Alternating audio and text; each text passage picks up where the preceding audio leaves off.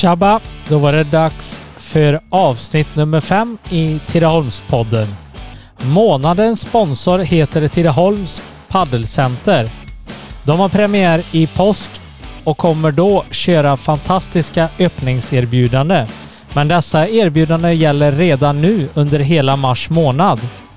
Gå gärna in och besök tidaholmspaddelcenter.se eller deras Facebook-sida. Där kommer ni hitta mer information. Varmt välkomna till Tidaholms Paddelcenter. Sådär, då var det dags att presentera dagens gäst och det är mannen, myten, legenden Elvedin. Välkommen hit! Tack så jättemycket. Hur är läget? Ja men det är rätt bra faktiskt tycker jag. Det finns inte så mycket att klaga på. Hej?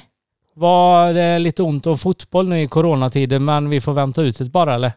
Ja, det är ju verkligen... Eh, ja, jag saknar det oerhört mycket. Jag har ju hämtat 25 nya bollar nu till föreningen jag tränar, Folka IK där, så det känns som att... Eh, ja, nej men saknaden är stor, det vill jag säga. Ja. I vanliga fall brukar vi alltid spola tillbaka och hoppa in i skoltiden men jag skulle tycka det var intressant att höra lite. Du är ju inte från Sverige från början. Nej, det stämmer. Jag är ju född i Bosnien, Herzegovina. Och den delen i Herzegovina, som är staden som heter Bilica, är jag ju född i. Och du kom hit till Sverige när du var? Eh, jag, kom, jag är född 86 då eh, och jag kom till Sverige första gången 1900, eh, eller första gången, den enda gången, så när man flydde. 93 i mars kom vi, vaknade vi en morgon i Ystad. men vi flydde 92 till Montenegro först, där vi var bodde på ett hotell. Sen gick det ju bussar till Sverige då, så vi hoppade ju på de bussarna då. Så mina föräldrar tog ju det beslutet för vi fick inte vara kvar i Montenegro. Och eh, då vaknade vi en morgon i Ystad helt enkelt. Eh, som vi fick eh, bo där en natt. Vad har du minnen av när ni flydde till Sverige? Alltså jag var ju liten alltså men när det blir sånt ansträngt läge som det var så alltså det är klart att man minns ju det mesta. Eh, man eh, man förstår allvaret, det gör man ju verkligen. Även om man, jag var så pass ung så förstår man ju allvaret att det är ju någonting som inte står rätt till. Ja. Vad, dina föräldrar, vad jobbar de med? I... Pappa var ju polis i Bosnien och mamma var en vanlig fabriksarbetare. Och eh, egentligen första tecknen var ju att det skulle bli krig. Det var ju när Mamma jobbade in i det sista men fick ju inte betalt i pengar utan hon fick ju sådana här bonuscheckar och eftersom pappa var ju polis då så visste de ju att han hade ju tjänstevapen och sådana grejer så kom de ju rätt så omgående där när de började plocka alla bosniska eh, män om man säger satte dem i fängelse och misshandlade dem varje dag. Eh, men eh, det var egentligen då vi kände av att eh, vi kan ju inte vara kvar här. Eh, så vi flydde ju eh, till, fick hjälp att fly från landet eh, i en eh, vad heter det, typ som Caddy elbil då. Eh, så eh, flydde vi till eh, Montenegro ifrån Bosnien. Hur länge var ni i Montenegro innan ni ja, kom vi, till Ystad? Vi, vi var där i, minns inte riktigt, men cirka ja, några månader var vi där. Två, tre månader. Men sen sa de liksom, ni kan inte vara kvar här heller. Så visste vi att det gick bussar då. Så mina föräldrar chansade liksom. Det var mer den tankesättet att liksom dör vi så dör vi med vårt folk i alla fall. Så det gick ju fem bussar. Då.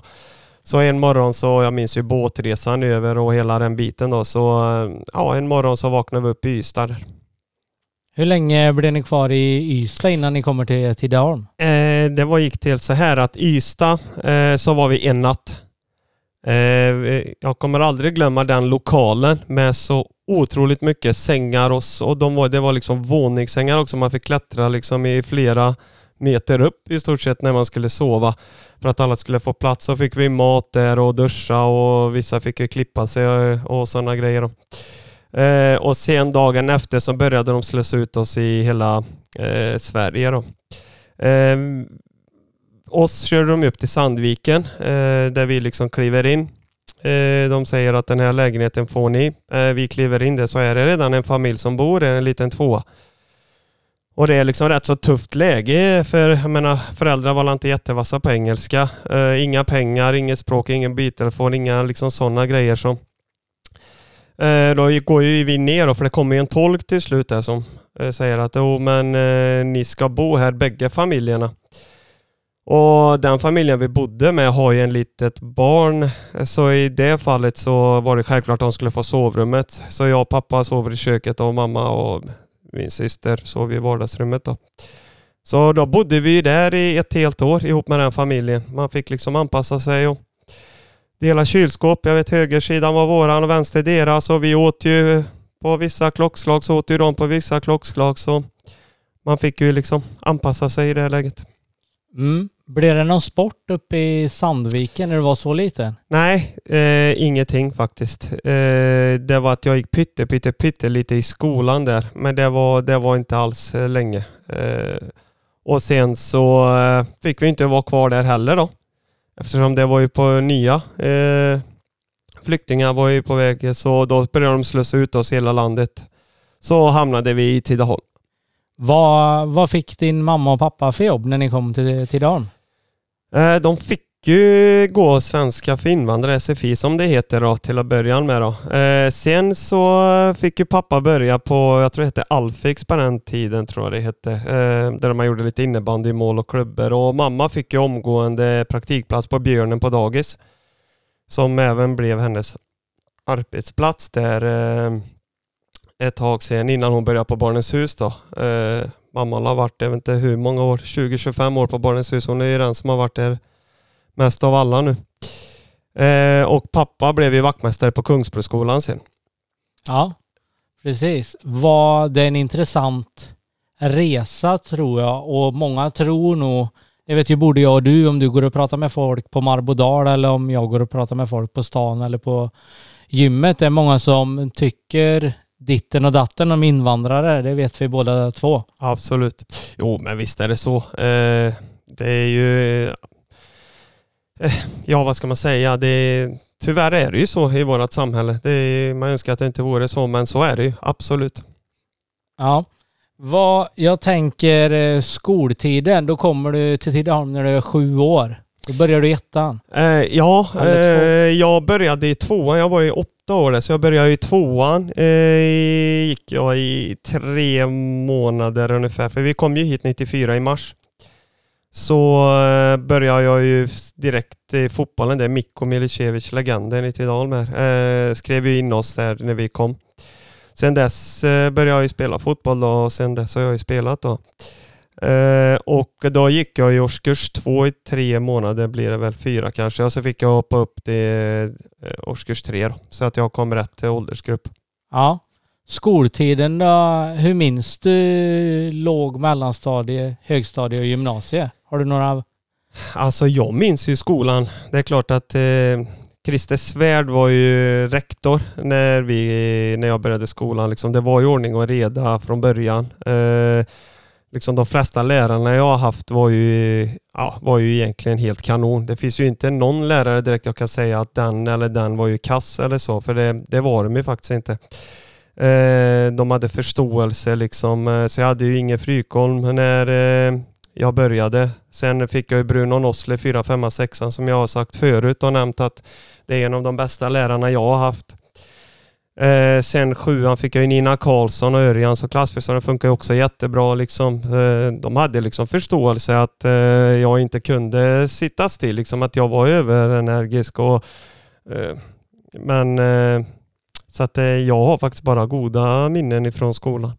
Hur var betygen i skolan då?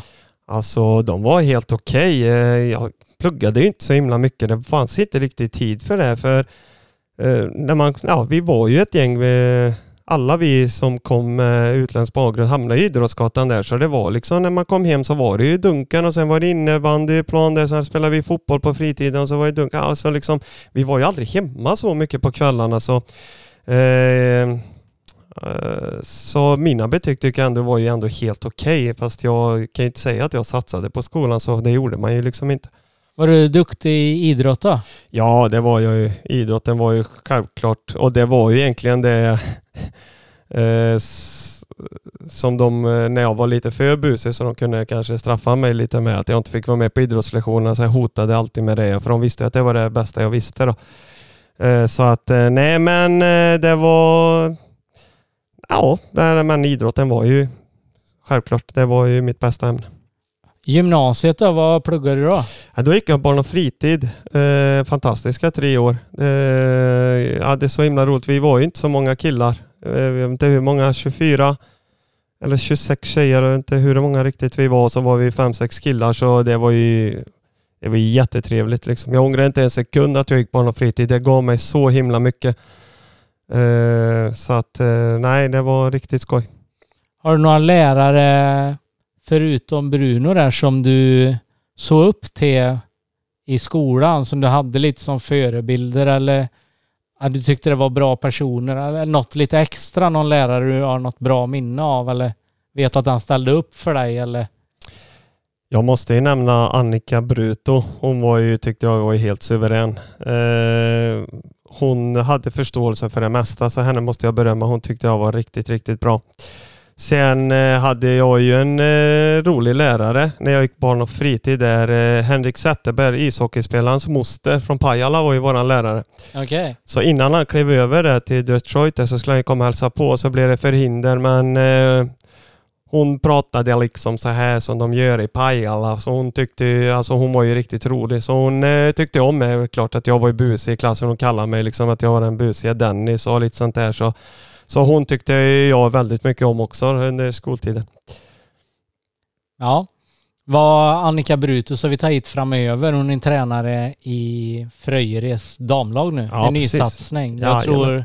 Ja men det är en Nej, riktigt men bra det, person. Hon, ja hon är riktigt bra. Hon hade liksom, man hade liksom lite respekt för henne. För oftast när vi hade andra lärare det blev bråk i klassen och så kom hon in ibland och då blev det liksom ordning och reda. För hon har liksom det med glimten i ögat också med eleverna liksom att hon vet hur de ska ta oss busigaste killarna på, på rätt sätt. Så att eh, nej, hon, hon var verkligen, eh, hon har verkligen valt rätt yrke tycker jag. Ja. Hur ser du på eh, skolan nu som Ja men om du pratar med jobbarkompisar som har barn och grejer, tycker du skolan är för lätt för ungarna nu eller tycker du vi hade ett tuffare på våran tid? Att det är lite, jag menar jag kan ju tänka mig, du har alltid haft respekt mot lärare och grejer och alltihopa Absolut. liksom. Tycker du att det är lite, alltså vi vet ju båda två att lärarna gör, gör sitt bästa, det är inget snack om det. Jag tror att eh, klimatet har blivit mycket, mycket tuffare nu. Jag tror lärarna har det mycket, mycket tuffare nu än vad lärarna hade det förr. För på något sätt så Alltså man var ju uppfostrad liksom så att man, eh, man hade ju ändå respekt för läraren. Sa läraren en grej liksom så, så var det ju så. Men jag tror i dagens läge liksom att Alltså det är knappt lärarna vågar säga till eleverna för då blir det anmälningar hit och dit. Och, eh, jag tror ju lärarna känner sig ibland att de är lite maktlösa liksom just med hur ungarna är i skolan och sen är det ju så här också att eh, lärarna får ju knappt säga till eleverna längre för då säger de till hemma så föräldrarna liksom ser inte kanske, ja men mina barn är bra, liksom sådana här grejer. Och jag tror att det är, jag tror det är en riktigt svår situation eh, som lärarna är i faktiskt eh, många gånger i skolan. Ja, och jag tror, ja, jag håller med och sen tror jag att när vi gick i skolan så var det, alltså det var lite, lite tuffare men vi hade mer förmodligen mer respekt och att ja, men klimatet är säkert hårdare nu, men eh, jag tänker dock nu, nu känns det som att lärarna har ungefär lika mycket, nu som vi inte hårdrar alla, men lärarna har säkert lika mycket bekymmer med eleverna som föräldrarna nu för tiden och det hade de nog inte förr.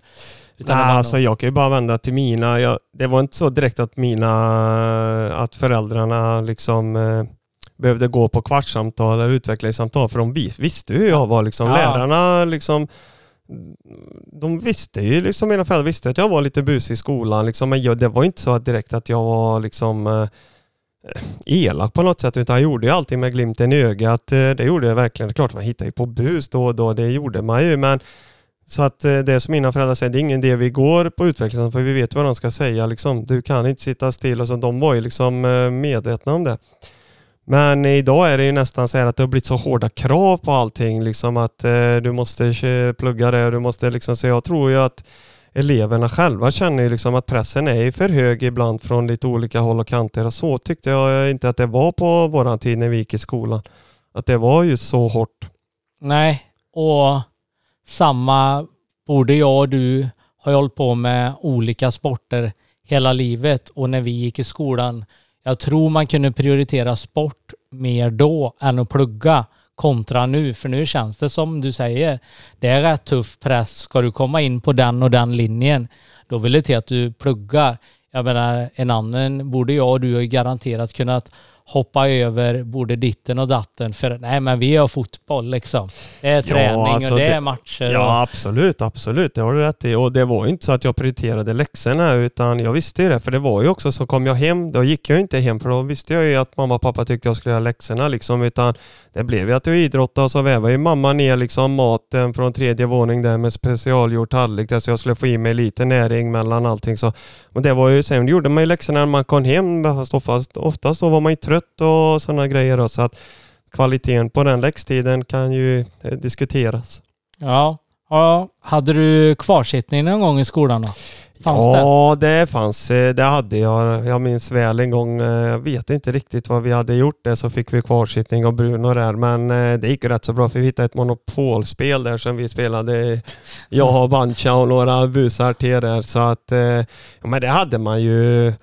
Det är klart att då fick man ju liksom sitta av den tiden och så ja, var det bara påbörja på en ny kula. Men det var inte så att man tyckte att läraren var dum eller på något sätt bara för att man fick kvarsittning utan man visste att man hade gjort fel liksom. Så det är ju, man kan inte skylla på någon annan utan det var ju bara liksom vara kvar och så, så se glad ut. Ja, precis. Vad, vi tar en liten paus med Alvedin innan vi hoppar in på idrotter med Alvedin, så häng kvar. Gå gärna in och följ Tidaholmspodden på Facebook och Instagram så kan ni läsa mer om kommande gäster, tävlingar plus mycket, mycket mera.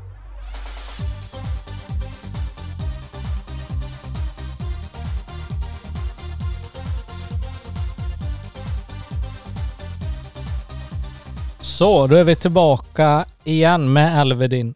Eh, sporter som ung, när började du? Med sport? Ja, det var egentligen åtta och jag var ju åtta år när Mikko skrev in oss där. Sen dess har ju det rullat på. Jag har inte missat en säsong egentligen sen dess. Eh, visst, jag har haft lite skador och sånt, men jag har alltid kommit tillbaka och varit med några matcher i alla fall. Så.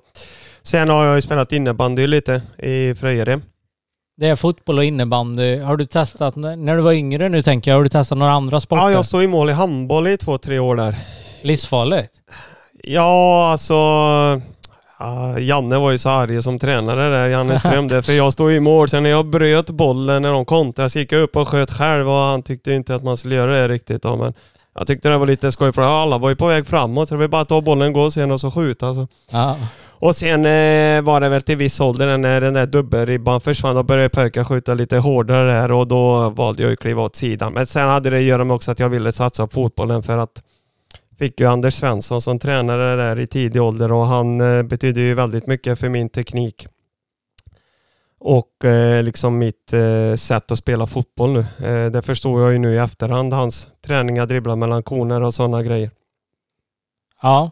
Var, vem var din första tränare? Du spelar GIF då, förstår jag? Ja, eh, min första tränare egentligen är ju, det är ju en träning då. Det är ju Eh, Storm, Stefan Storm var ju min första tränare. Så jag gjorde en träning med GIF där och då flyttade han upp mig till ett år äldre eh, direkt efter den träningen. Sen har jag alltid hängt med i 85orna. Så fick jag alltid vara med 86 om de skulle vinna någon match eller det behövdes folk eller åka på kupper och sådana grejer. Men, så jag har alltid lirat med ett år äldre faktiskt från första träningen i GIF. Ja. Eh, hur många, hur långt upp i ålder var du innan du bytte från GIF? Det var ju, jag bytte ju, vi åkte ju ut där med GIF ner till division 4 när det var så många spelare som lämnade. Så vad var jag, 19 tror jag att jag var när jag bytte till IFK Tidaholm. För jag hade ju alla mina vänner på andra sidan så det var egentligen inget svårt beslut att göra. Vi hade åkt ur med GIF där, två serier på två år där. Det var ju otroligt många spelare som lämnade så vi hade det ju riktigt tufft där. Så när GIF och IFK blev samma division 4 det så valde jag ju byta över så jag skulle få spela med Dennis och grabbarna där som jag umgicks med. Så att. Ja, hur var det att spela med Dennis på vallen då? Ja, det är alltid trevligt. Eh, jag har spelat IFK fem gånger tror jag, eh, om jag minns rätt. Eh, jo, men det är klart att han är ju, det är ju speciellt. Det, han är ju född målskytt liksom. Det var ju så himla orättvist för han stod där uppe och lunkade runt lite och så ointresserad ut så small det ju tre bollar. Ja. En annan fick ju döja sig och springa som ett djur upp och ner där eh, för att få till något mål då och då. Han, han var knappt andfådd och hade gjort tre mål liksom. Nej. Han är ju född med det där och så är det ju. Hans skott är ju hans avslut. Alltså han, eh, det är inte många, många bättre jag har spelat med än Dennis just i avslutslägen. Det är det inte. Nej. Var tränare då genom åren efter Anders där i GIF?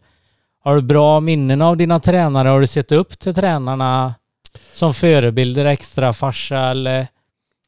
Ja, så. jag fick ju Mats Falk där. I, fick jag också där.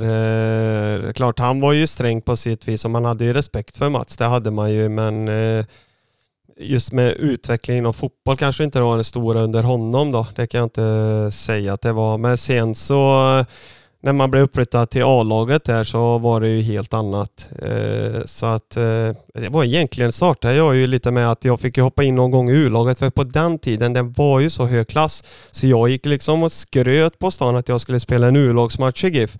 Och jag menar idag kan jag tror jag folk har lite för svårt att förstå det för att nu är det ju knappt att det är liksom nästan pinsamt att spela i ett U-lag, eh, men eh, det var liksom stenhård konkurrens och det var ju den vägen man skulle gå om man skulle komma in i GIFs A-lag. Det var ju att göra en bra U-lagsmatcher ifrån juniorlaget. Ja, vem var tränare i GIF på den tiden då? Det var ju Billengren och Nippe Eklund var ju där eh, när jag kom upp. Och sen vet jag Gummi var ju där. Gummi var ju där också. Först det var ju då jag provade på det lite när Gummi var tränare. Men sen när jag kom permanent var det ju eh, Billengren och så Nippe Eklund. Då. Halva säsongen så fick ju de sparken då för då tog ju Bonjaki över. Han var ju tolk först och sen det var en jäkla röra i GIF där så att eh, ja. Ja, sen var du i IFK och spelade. Ja, det stämmer. Sen var jag i IFK Tidaholm där, spelade, stämmer. Och eh, sen eh, efter IFK så gick jag ju till Folkabo. Hur många säsonger blev det i Folkabo? Jag har spelat sammanlagt i Folkabo en och en halv säsong. Jag gick ju dit ett halvår från GIF också. Eh, jag blev utlånad där. Eh, så jag var med och spelade åtta matcher med Folkabo där. Så en och en halv säsong har jag spelat i Folkabo. Efter Folkabo hoppar du över till?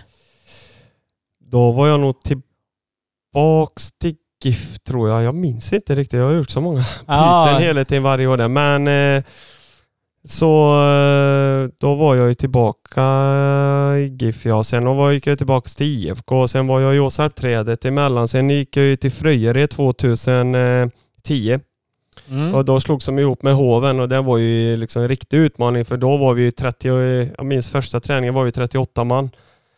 Ja. Vi hade A, B och C-lag. Ja, det är eh, mäktigt. Ja, det var riktigt mäktigt. Liksom att du på en träning måste ha folk uppe på kullen som du kan byta du kör 11 mot 11 på en träning. Liksom. Men, eh, men eh, det, vi gick ju jättebra det året, men desto mer tid det gick, desto mer mer folk hoppade av. Så vi hade faktiskt bekymmer att få ihop ett A, B och C-lag.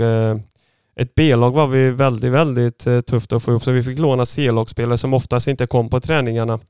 Eh, för att C-laget skulle hålla till nere på Hovens IP då. Aha. Så att det skulle få leva vidare då.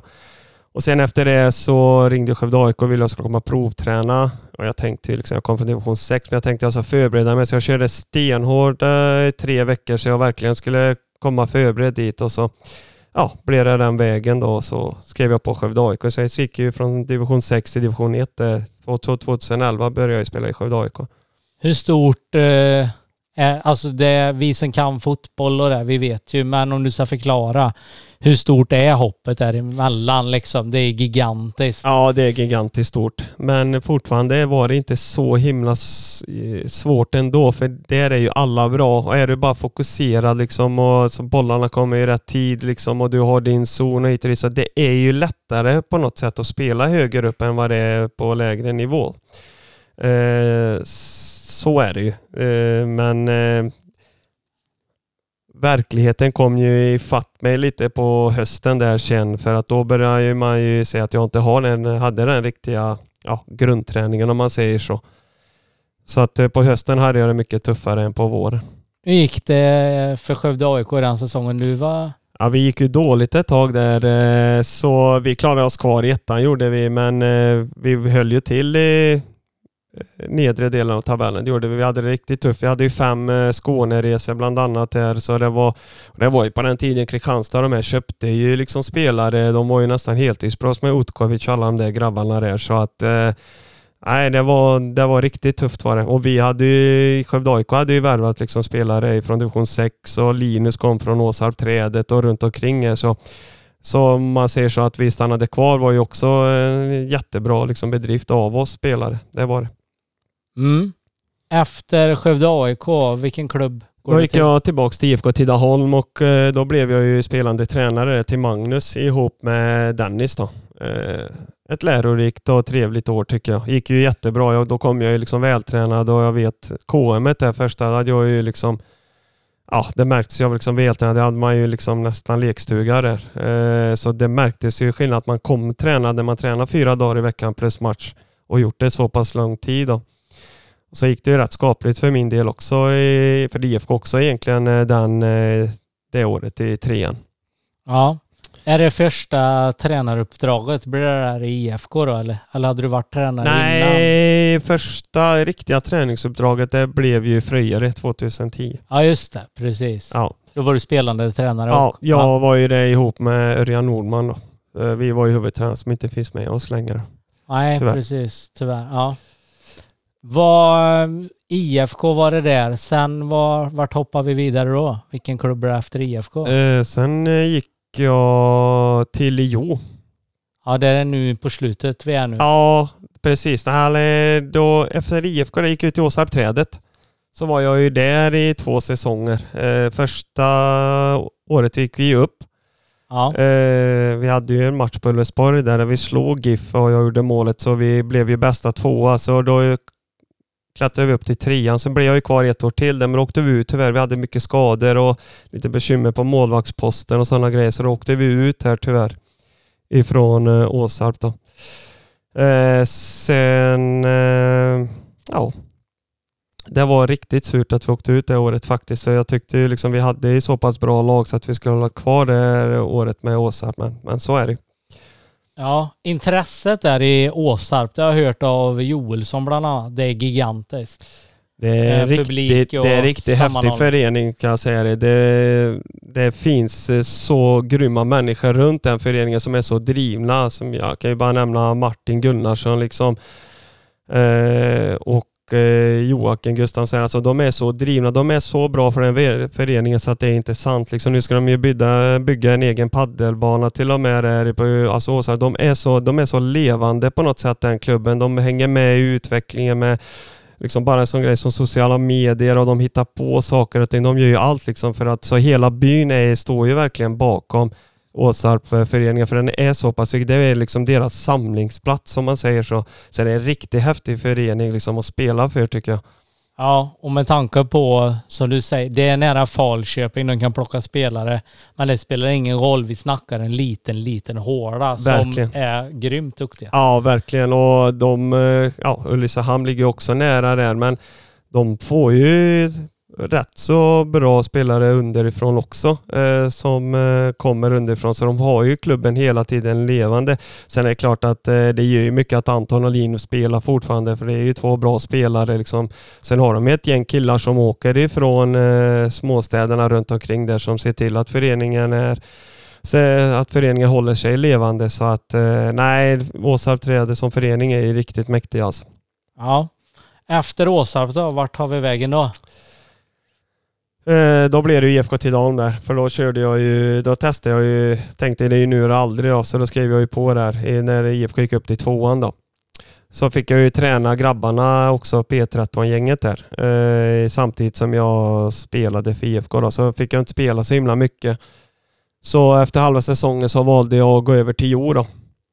Och eh, det var ett lyckat drag tycker jag verkligen, för då vann vi division 4. Och då gick jag upp med Jo första gången på 38 år, eh, så att eh, det var ett riktigt lyckat drag tycker jag.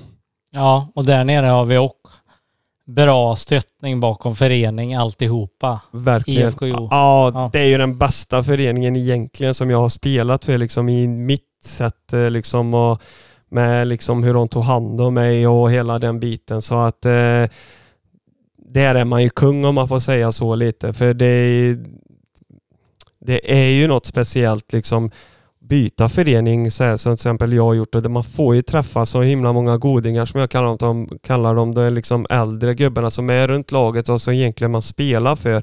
Och den lyckan man ser du vet när man har vunnit matcher och den är ju riktigt häftig alltså. Framförallt när vi gick upp där med Jo till division eh, 3 och så, så många år sedan sist. Alltså det var ju det är, ju, det är ju något som man alltid kommer minnas liksom. Ja, och det är ju faktiskt så oavsett om vi snackar Jo, Fröjre, IFK, GIF, Folkabo nu. Det vet ju du och det finns ju, det finns många på varje idrottsplats som får alldeles för lite cred för vad de gör kontra vad ett A, alltså vad A-laget, tränare, vad alla ni gör. Men du vet ju också, det är de du träffar som ligger bak. De sköter planer, de tvättar era kläder.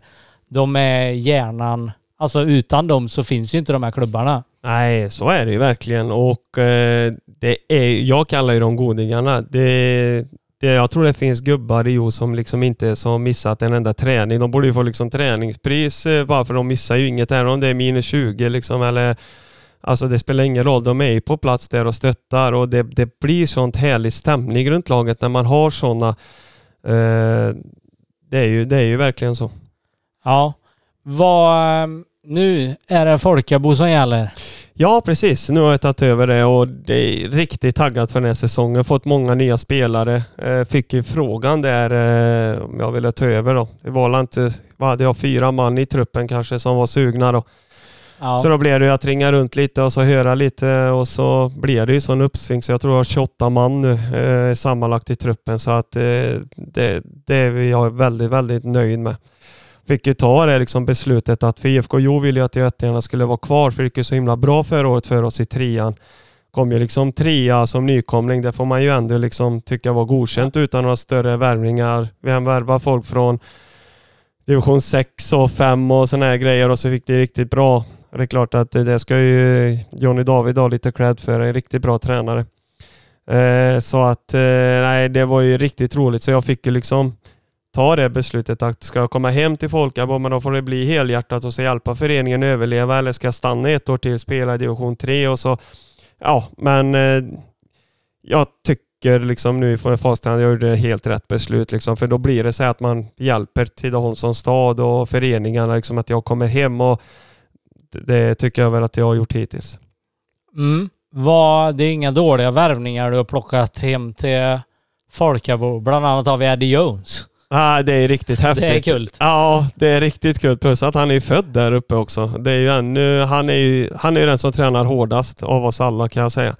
Han är verkligen taggad på detta och han har ju inte spelat på några år och jag vet ju folk hånar ju mig att jag har värvat Eddie men eh, liksom, jag tror inte riktigt de förstår eh, vad det handlar om. Liksom, bara han håller liksom, han är ju det är ju en målskytt av rang liksom stenhård, orädd, djupledslöpande. Alltså Sen är det ju så här att det är ju inte många som är bättre tränade än honom i division 6. De är väldigt, väldigt få och jag tror att eh, många i vårt lag som kommer få eh, upp ögonen lite på vad det är för dynamitgubbe vi har värvat. Ja. Vad, vad har ni för målsättning för Folkabo? Vi har ingen målsättning eftersom vi är det enda laget runt omkring här som inte har börjat träna än. Sen det är klart att det är alltid roligt att vara med i toppen och med det laget så ska vi absolut vara det. Men jag känner någonstans att Eh, viktigaste för mig, och det är också är det en sån grej, vi ska inte ha ett B-lag på så många spelare, utan jag vill ju se till att Folkab och IK överlever, liksom att det blir en levande klubb framöver, att det blir en förening som spelarna vill komma till, att det blir ordning och reda, att det, liksom, det blir trevligt och att sen liksom om Folkabo spelar division ja, 6, 5 eller 4 spelar egentligen inte så stor roll då, men det är självklart så skulle jag ju vilja liksom att vi är med i toppen och slåss om det. Det är ju en självklarhet, för det finns ju inget roligare än att vinna serien. Och jag har spelat i så många år och det är inte många serier man har vunnit. Liksom. Det är en otrolig känsla. Det spelar ingen roll om det är division 5, 4, allsvenskan eller Champions League. Jag tror det är samma känsla ändå att göra detta. Ja, vad Um tänkte vi så hoppa över på jobb. Du jobbar på Marbodal. Ja, det stämmer. Jag har varit där nu i många år. Jag började ju där eh, 2006 i mars började jag det. 15-årsjubileum i år då? Ja, precis. Jag har varit där i många år. Hur, vad gör du på jobbet då? Just nu kör jag truck. Eh, jag har en, eh, det heter ju gamla sidan då, där all material är. Så får jag upp kanbankort och så kör jag över material. Så åker jag runt eh, i stort sett i hela fabriken och försörjer alla med material. Ja, vad, hur känns det nu då med Jönköping och alltihopa? Hur går dina tankar? Ah, jag tycker det känns tungt. Det är ju liksom så uppenbart att de bara är ute efter att sno våran fabrik. De förstår inte den skadan som de faktiskt kommer göra för våran stad. Det är ju liksom, vi skulle fira 100-årsjubileum när det läggs ner och liksom det är ju många som jobbar där. Eh, nu är det ju, eh, vad heter det, eh, många som inte bor i Tidan som jobbar där. Självklart är det så, men det är klart att det Tidan lockar ju när det finns arbetstillfällen. Det gör det ju och jag, jag tycker det är riktigt sjukt faktiskt att de ska sno våran fabrik eh, och så på så enkelt sätt de får göra det också. Jag tycker det, nej det känns ju inget bra. Det gör det inte. Nej, hur är jobbarkompisarna då du har? Ja, vad ska är man säga? Är det ett roligt gäng?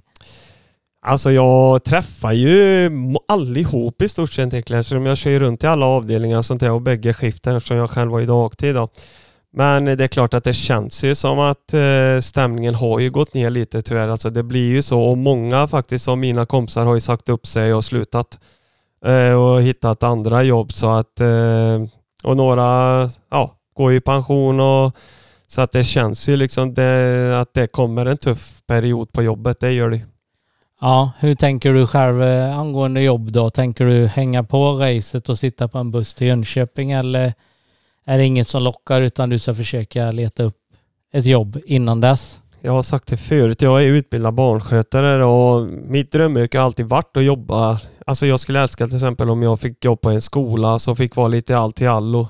Ena dagen kanske man kan hoppa in på fritids och kanske nästa dag får hoppa in i en klass och eh, kanske lite elevassistent. Alltså bara liksom vara på en skola och kunna hoppa in där det behövs. Det är ju egentligen mitt drömyrke som jag alltid har sagt att jag ska jobba. Jag ska jobba med människor för jag är ju slöseri egentligen sitta på den trucken som åker runt på Marbodal där. Eh, så att egentligen om man ska se lite positivt så kanske detta är eh, liksom en spark i röva som det heter för min del och göra någonting annat. För att det är ju väldigt lätt att bli kvar på ett jobb som du trivs med eh, liksom och du har det för bra men aldrig och så fast jobb och så vågar du aldrig liksom ta steget och göra det som du verkligen tycker är roligt. Så att på ett så sätt så så är det ju kanske bra att Marbodal läggs ner fast stora hela är det ju självklart inte det för det är ju många som kommer bli arbetslösa. Det är alltid någon som blir drabbad för det är alltid någon som har någon i familjen eller något som som jobbar. Ja, vad, ehm, men då är det närmaste planerna kanske att försöka leta lite jobb för dig?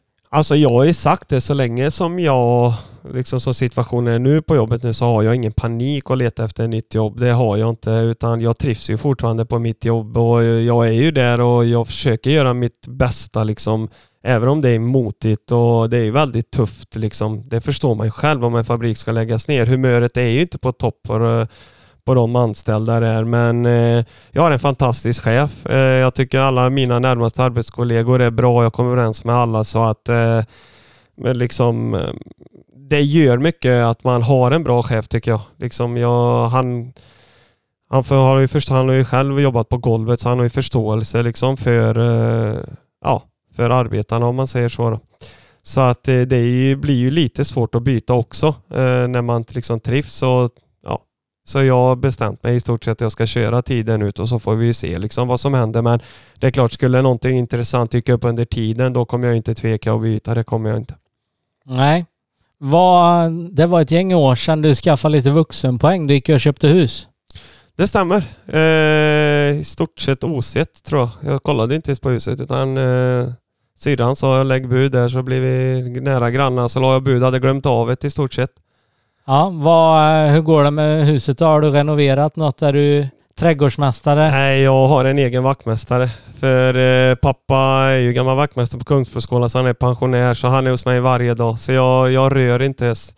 Han klipper gräset och grejar med veden och eldar och allt så jag har det för bra om man säger så. Han skottar snö och så jag Oj. har det för bra faktiskt. Men det är riktigt häftigt att ha egen vaktmästare. Ja, men du trivs i huset? Jag trivs jättebra. Jättebra grannar och så jag, still- ja, jag trivs verkligen. Jag ångrar inte en sekund att jag köpte huset. Det gjorde jag inte. Nej. Eh, bilar har varit ett stort intresse i ditt liv också eller? Det kan man lugnt säga.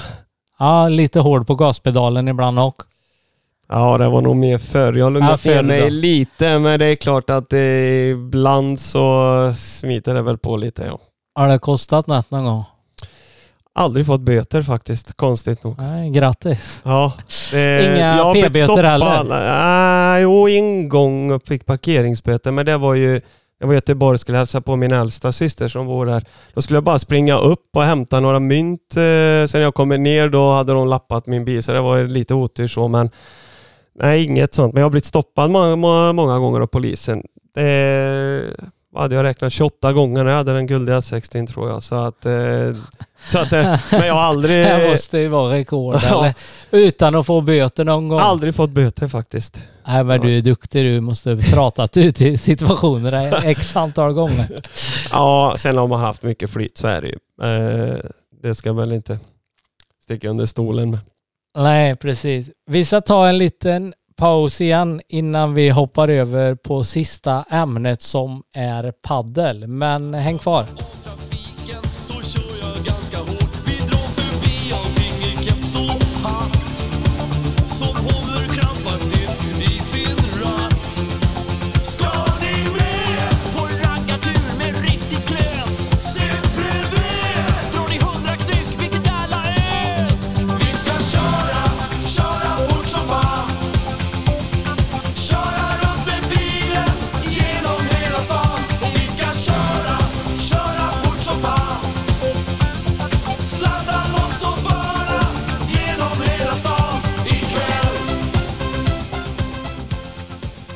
Så, då är vi tillbaka igen med Elvedin. Nu ska vi gå in på innesporten och det alla håller på med tydligen i coronatider. Paddel. Ja, precis. Hur kom det intresset upp? Jag testade ju padel första gången när det kom. Det kom ju rätt tidigt i Mariestad, en utebana där, så uh, testade jag att spela lite eftersom min vän Blomqvist uh, har ju flyttat dit, spelar i Lockerud och då var jag ju där och provade lite och tyckte liksom det var ju riktigt skoj då.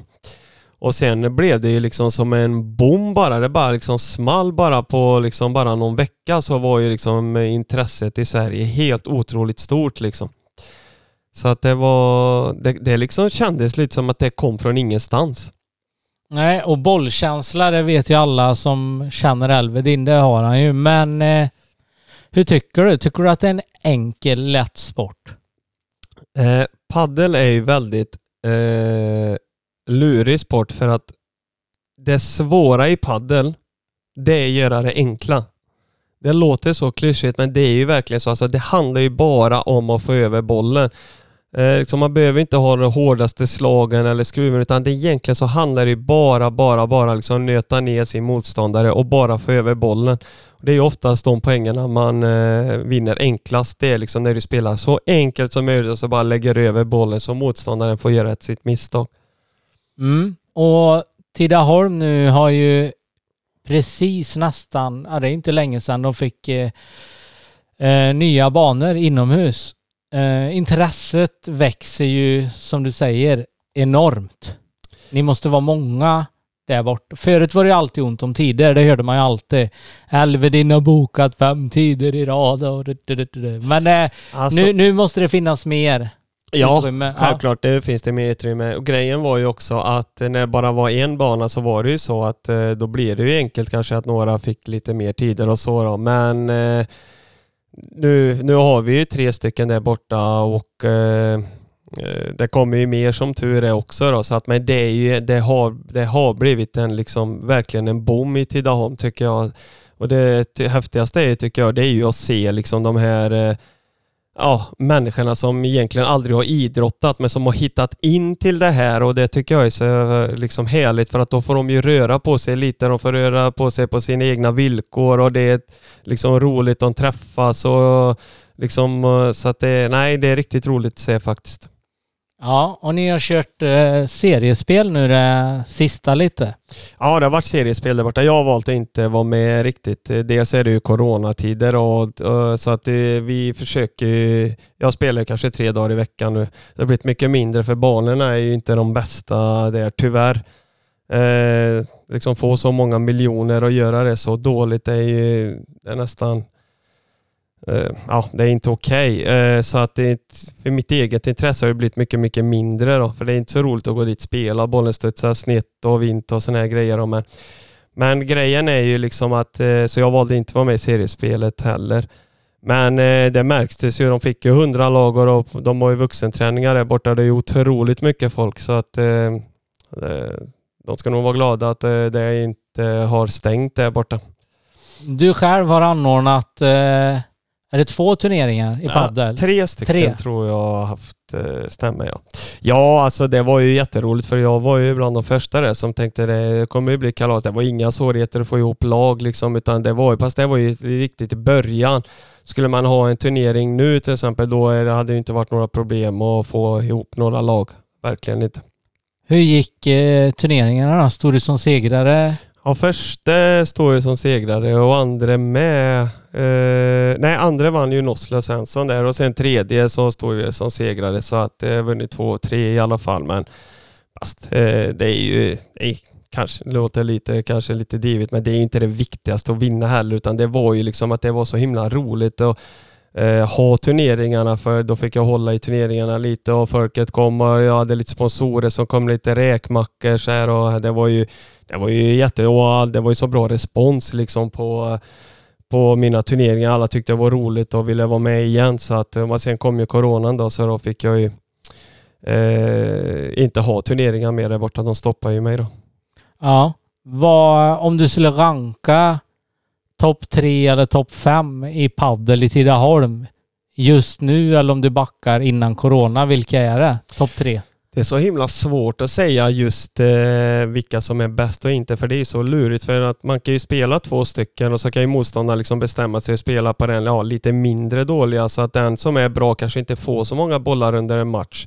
Paddel är ju otroligt mycket liksom taktik. Det tror man ju inte men eh, folk tror ju att det är bara liksom att gå ut och spela men det är otroligt mycket taktik vart man ska lägga bollarna, hur man ska lägga bollarna och Liksom, och vad är den svagheten? Det gäller ju att läsa av motståndarna och sånt också. Så att, men eh, det som jag är mest positiv att se på det är ju liksom så många som har utvecklats. Vem som är bäst är ju lite svårt att säga men eh, det, det är ju många i Tidaholm, det vet jag själv, eh, som har en bra bollkänsla så man klarar sig rätt så bra.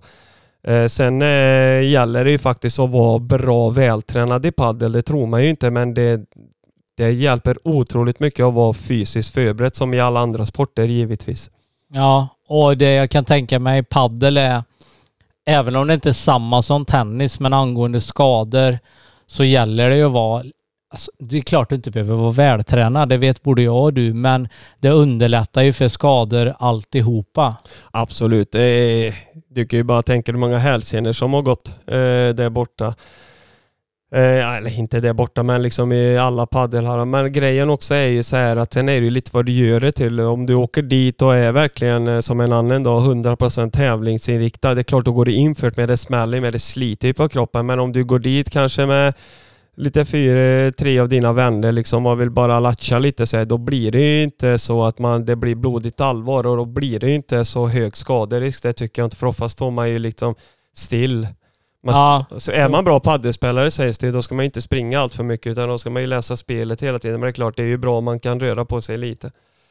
Ja, precis. Vad, vad är det roligaste med paddel? Vad var anledningen till att det var det han Andreas Alltså- i Mariestad som lockar med, eller alltså varför? Alltså grejen är ju, paddel kom ju, paddelboomet kom ju så lägligt för att precis när det kom till Tidaholm, då kom ju coronan.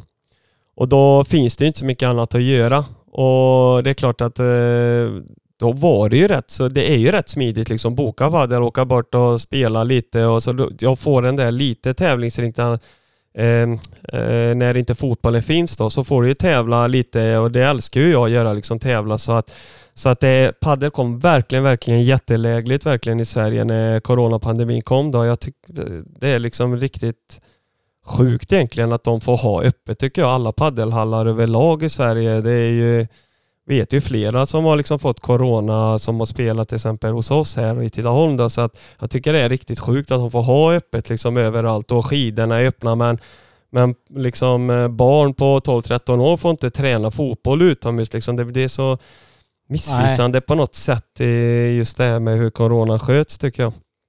Mm. Vad, jag tänkte den finaste sportanläggningen du har varit på i fotboll runt omkring. Nu får du bara ta Tidaholm då. Nu bortser vi från Jo och Skövde och Åsarp då. Men vad kan Fröjere ligga i topp? Det kan den. Den har ju, den, plan är ju grym i Fröjere. Plus är det ju lite kän, eh, liksom, det är en god känsla när det är en kulle där och folk står på kullen och hejar på sig. Den är ju, men det är klart att finns det egentligen något som slår Ulvesborg runt omkring eller Skaraborg, deras A-plan med läktare, elljusen där, det är, det är ju väldigt svårt liksom. Det finns ju inte många bättre arenor runt omkring här. Nej, då är det Ulvesborg som är nummer ett. Ja, men det måste jag väl säga. Det är ju riktigt häftig känsla att kliva ut där eh, och spela. Det, det måste jag väl säga. Ja, nej men det är ju lite... Ja, vad ska vi säga? Ja, det är som du säger med läktare och allt där ni kliver ut Ja. ifrån. Det blir lite... Ja men det är lite allsvenskan Ja, ändå, men fast ändå så. inte. Ja, precis. Och framförallt när liksom GIF var liksom som bäst i den gamla tvåan och det, när det var mycket intresse publik. Det var ju häftigt liksom. Så, så, var så man såg ju fram emot A-lagsmatcherna när man tittade och det var alltid folk och de klev ut där och det var sång och hit och dit. Det, det var, det var riktigt häftig känsla faktiskt. Mm. Sporter, eh, om vi bortser från dig själv nu, går du på mycket... Vi hoppar över 2020 som var katastrofår då, men innan dess då? När du inte utövar sport själv, går du och kollar på mycket sporter live själv eller? Det gör jag. Det finns ju inget bättre egentligen att kolla sport live. Jag har inga problem liksom sätta mig i bilen, åka upp till Karlstad, kolla Färjestad och åka hem. Det har jag inga problem med. Eh, så att eh, det är klart att det gör jag. Sen kollar jag ju mycket, alltså när man har bytt klubb så mycket som jag gjort så har du ju så otroligt många vänner och det är det som är det häftigaste av allt att byta klubb. Det är att du får lära känna så många nya eh, människor och då blir det ju så att man följer ju de eh, grabbarna vart de spelar eller de klubbarna som man har spelat i tidigare. Så jag försöker ju, jag ser ju jättemycket fotboll live liksom. Det, det gör jag ju verkligen. Ja. Är någon annan sport utöver fotboll du... Ja, hockey sa du där. Färjestad och ja, Karlstad. hockey och sen eh, det är ju Hammarby jag håller på då så det åker jag ju till Stockholm över en dag, ser vi en match och så åker vi tillbaka. Det är liksom, det är inga problem. Köra bil det älskar jag ju så att jag har inga, Ja. jag har halv, halvfort går det också så att jag har liksom inga, inga problem med det. Nej. Eh, förra veckans gäst, Nicolina Wernklint, har skickat med en fråga till dig här som jag tänkte vi ska bränna av direkt. Yes. Du har åkt runt mycket och tränat olika lag och spelat i många klubbar. Eh, varför har du inte stannat så länge i någon klubb utan du har hoppat runt mycket?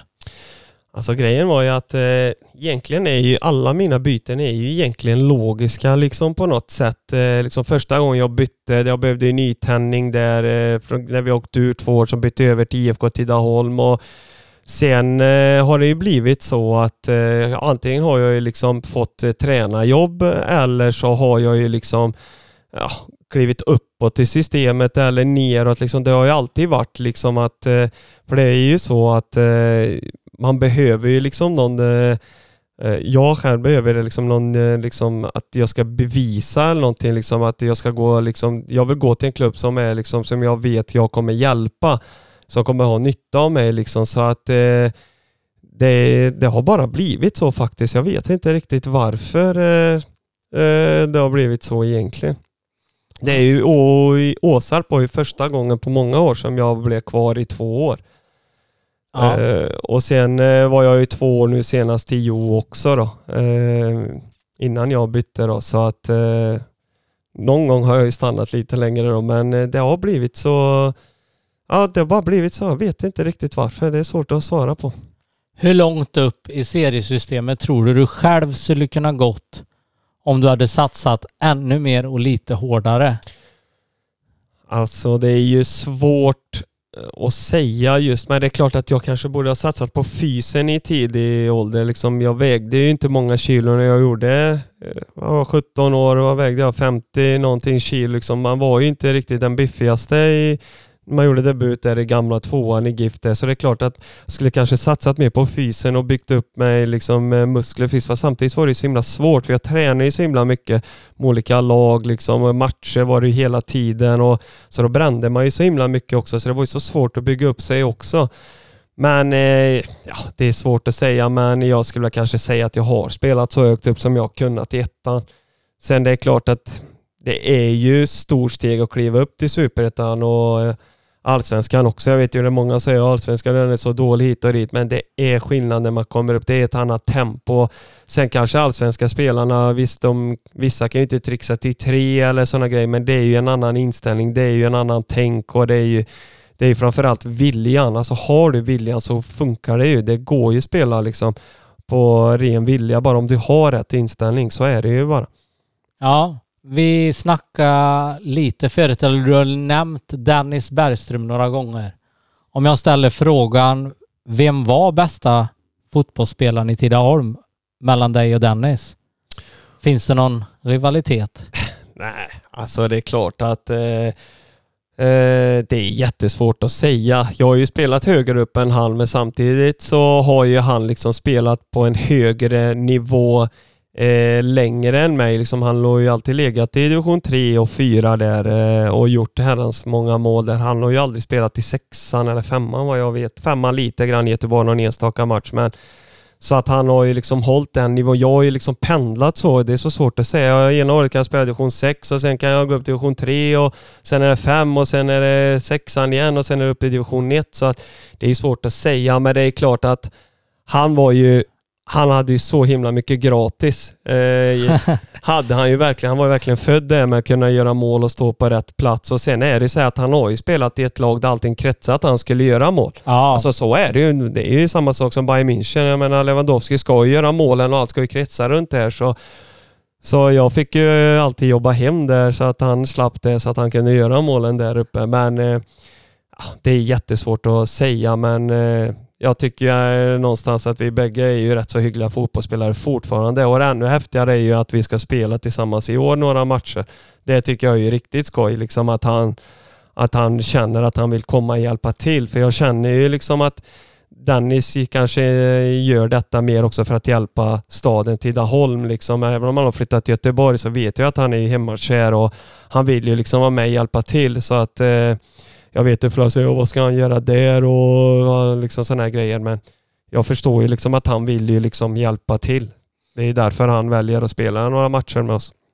ja. Vem kommer göra mest mål? Ja, i och för sig nu Dennis säger du ju själv, han bor i Göteborg. Ja, han kanske Men- inte är med i alla matcher och så, men eh, det är klart jag kommer kanske spela mer matcher. Då blir det kanske naturligt att jag Ja. gör mer mål. Fast egentligen så spelar det inte så stor roll för oss, för nu är vi så pass vuxna. Det kanske var lite mer Alltså rivaliteten var egentligen som mest, det var ju när vi spelade i olika lag. Ja, är jo, det förstår då, jag. För då var det, ju- ville man ju vinna skytteligan i Tidaholm och då tittar man, ja Dennis gjorde tre och då får man ju liksom skärpa till sig och så göra nästa match bra typ och sådana grejer. Så att, och det kanske är riktigt bra att vi har haft varandra liksom så eh, att man har sporrat varandra liksom att bli bättre. Att man har aldrig blivit nöjd liksom. Men eh, alltså om man räknar målskytt och sånt så är ju han hästlängder bättre än mig. Alltså det, är ju, det går ju inte ens jämföra liksom. Nej. Vad, jag tänkte vi, innan vi ska dra fem snabba frågor med dig så tänkte jag lite, vi snackade lite när du kom hit om eh, en person i Fröjere som har betytt mycket för dig och det är ju Agne.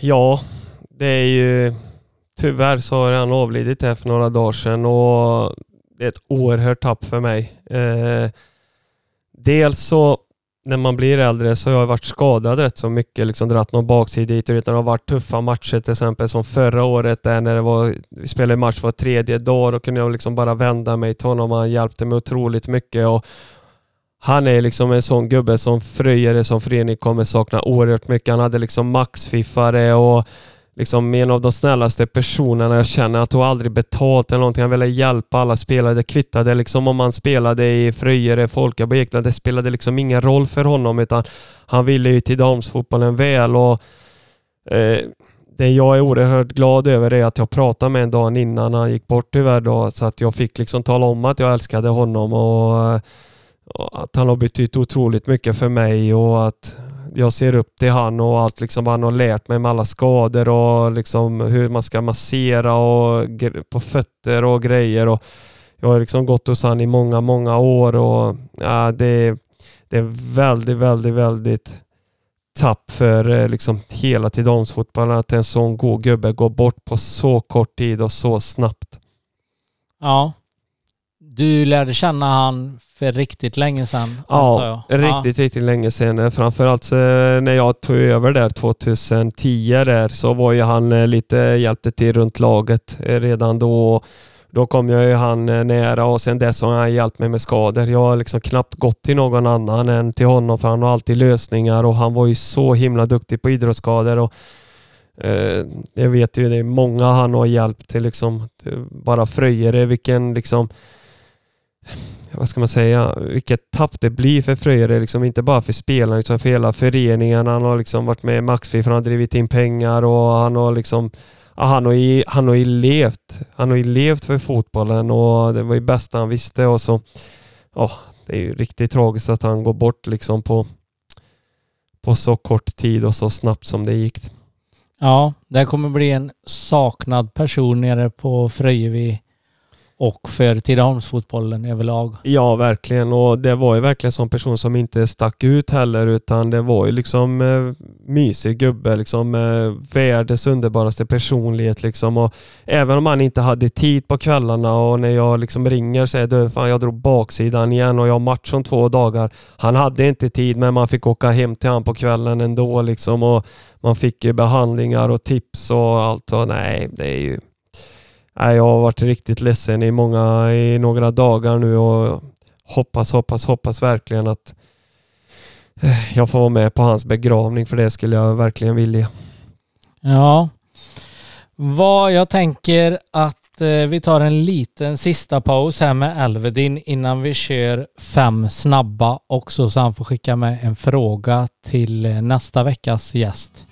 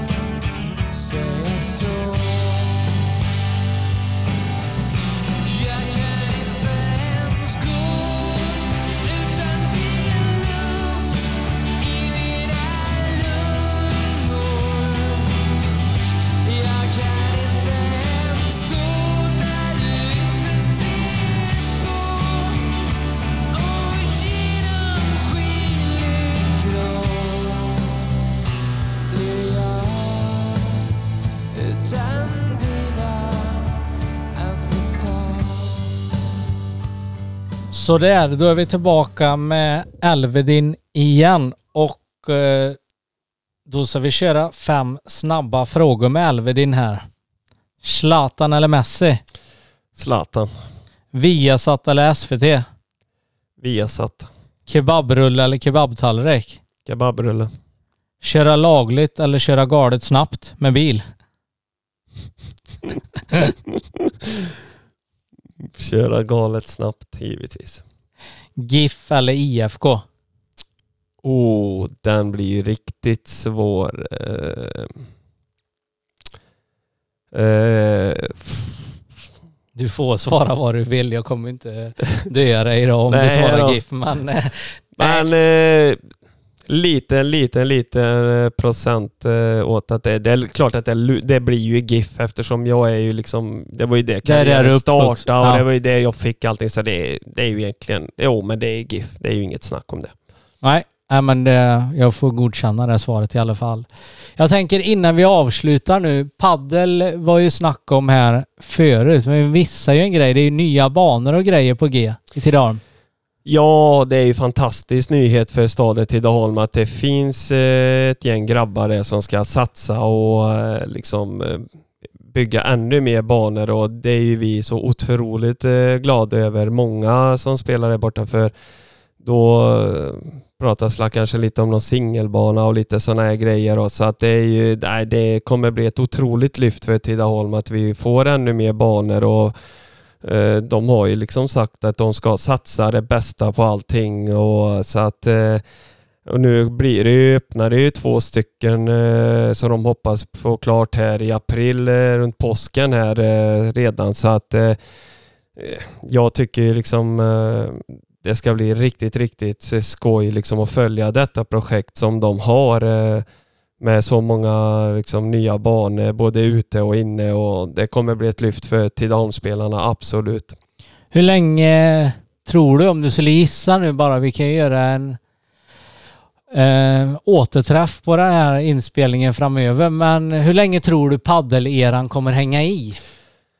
Alltså så det beror ju lite på också för eh, jag tror ju att den kommer hänga i rätt så bra nu om de inte nu eh, liksom om de inte stänger eh, paddelhallarna så att det dör ut lite liksom nu i coronatider. Men, men hänger till exempel coronan i om man får spela paddel då kommer det ju självklart hänga i för men jag skulle tippa på att det kommer ju växa mer och mer och jag är ju liksom rädd att andra sporter ska bli eh, drabbade som ishockey, fotboll och sådana sporter. För det är ju rätt så bekvämt att gå in i en hall och lira lite padel än att gå ut och träna där det är minus 10 liksom. Och, eller hockey, att bära alla skydd och köpa och det är dyrt och jobbigt. Och, så att, eh, men jag tror paddel är ju här för att stanna, det tror jag absolut. Och, eh, men nu med den här satsningen som de här grabbarna vill göra nu på paddelcenter där så tror jag att det kommer bli helt kanon. Det, det är jag helt övertygad om.